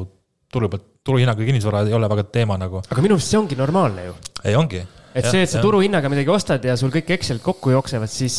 siis noh justkui peaks seda kõik tegema ja kes, liiga lihtne. kes see oli, see kirjanik, ütles, et jah, et tõusvas vees kõik paadid tõusevad, on ju, et tegelikult viimased kümme, kaksteist aastat on ju kõik, kõik pannud tõusvas turus mingit tegevust, on ju, aga isegi kui harjutada ei oska, paat ikka liigub veega edasi. ma jah, nimelt to tooksin välja ikka selle esimese, esimese saate või selle saate osa, selle alguse, et osta odavalt ja müü kallilt. Kui vähegi võimalik oleks, siis ma kinnisvarandusega ei tegeleks ja ka minu partner sellega nõustub, ma arvan et äh, kõige rohkem tegeleks nii-öelda siis spekuleerimisega, on ju. et püüda osta odavalt ja müüa kallimalt, on ju, see on nii vähem, nii palju vähem probleeme, aga noh, sa pead tabama hetkega, on ju, mida osta, kuidas osta, mis hinnaga ja pead turgu tagama, et, et turgu tabama, et ka müüa õigesti, on ju. aga ütleme ausalt ähm, miks kinnisvaraarendus nagu on nagu oluline, nagu huvitav on ka see, et, et seal on, seal on ka pakkuda nagu tootlust, on ju, kus täna pakume kellelegi investorit, ostame koos rahavoogu, ärikinnisvara, on ju.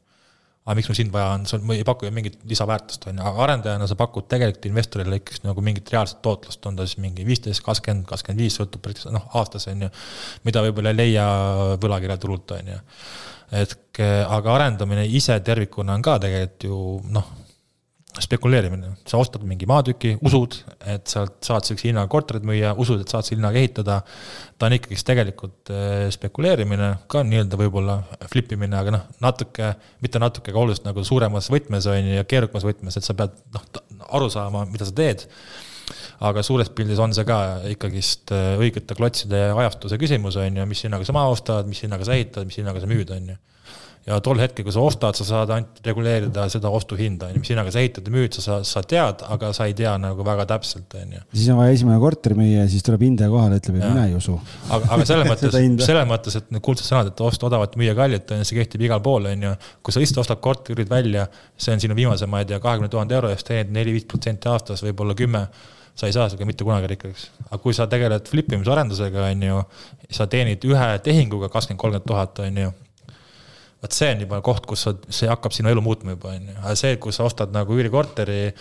kaks sotti, kolm sotti kuus jääb nagu intressist järgi näiteks, on ju, kas see muudab sinu elu? ei, aga kümme aastat kogud, on ju, kas ta muudab nii palju, noh, ma arvan, et palgakasv on nagu suurem kui sinu see tootlus on ju, noh, ka ei muutnud, on ju. et selles mõttes, et kui on nagu alustav eh, soovitaks rohkem jah, risk, risk, eh, riskida ja leida neid flipi spekuleerimise kohti on minu nagu sõnum. super. sellega on hea lõpetada ju. jah, ma arvan ka. olge siis riskialtimad. jaa, julgelt, julgelt. aga meiepoolne disclaimer, eh, meie suust te seda ei kuulnud. kui teil halvasti ja. läheb, kui hästi läheb, siis, siis tulge külla ja jagame mõtteid. ja nii et, et siis noh, siin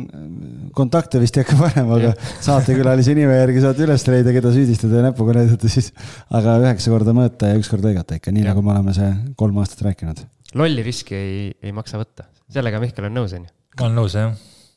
väga õige, väga õige. väga hea olge tublid, aitäh Miklile selle väga pika ja huvitava ja sisuka vestluse eest. aitäh, aitäh kutsumast, jah. ja aitäh kuulajatele ja olge mõnusad. tšau. Sirkele Mall on kahekümne aastase kogemusega juhtiv projekteerimisbüroo Eestis, kes teeb projekte arhitektuurist tehnosüsteemideni mm,. Maasikad, selle sügise kõige suurem uusarenduste kampaania on alanud. kinnisvara kakskümmend neli letilt leiad parima valiku energiatõhusaid, stiilseid ja iseloomuga kodusid. tutvu parimate pakkumistega juba täna www.kinnisvara24.ee kaldkriips maasikad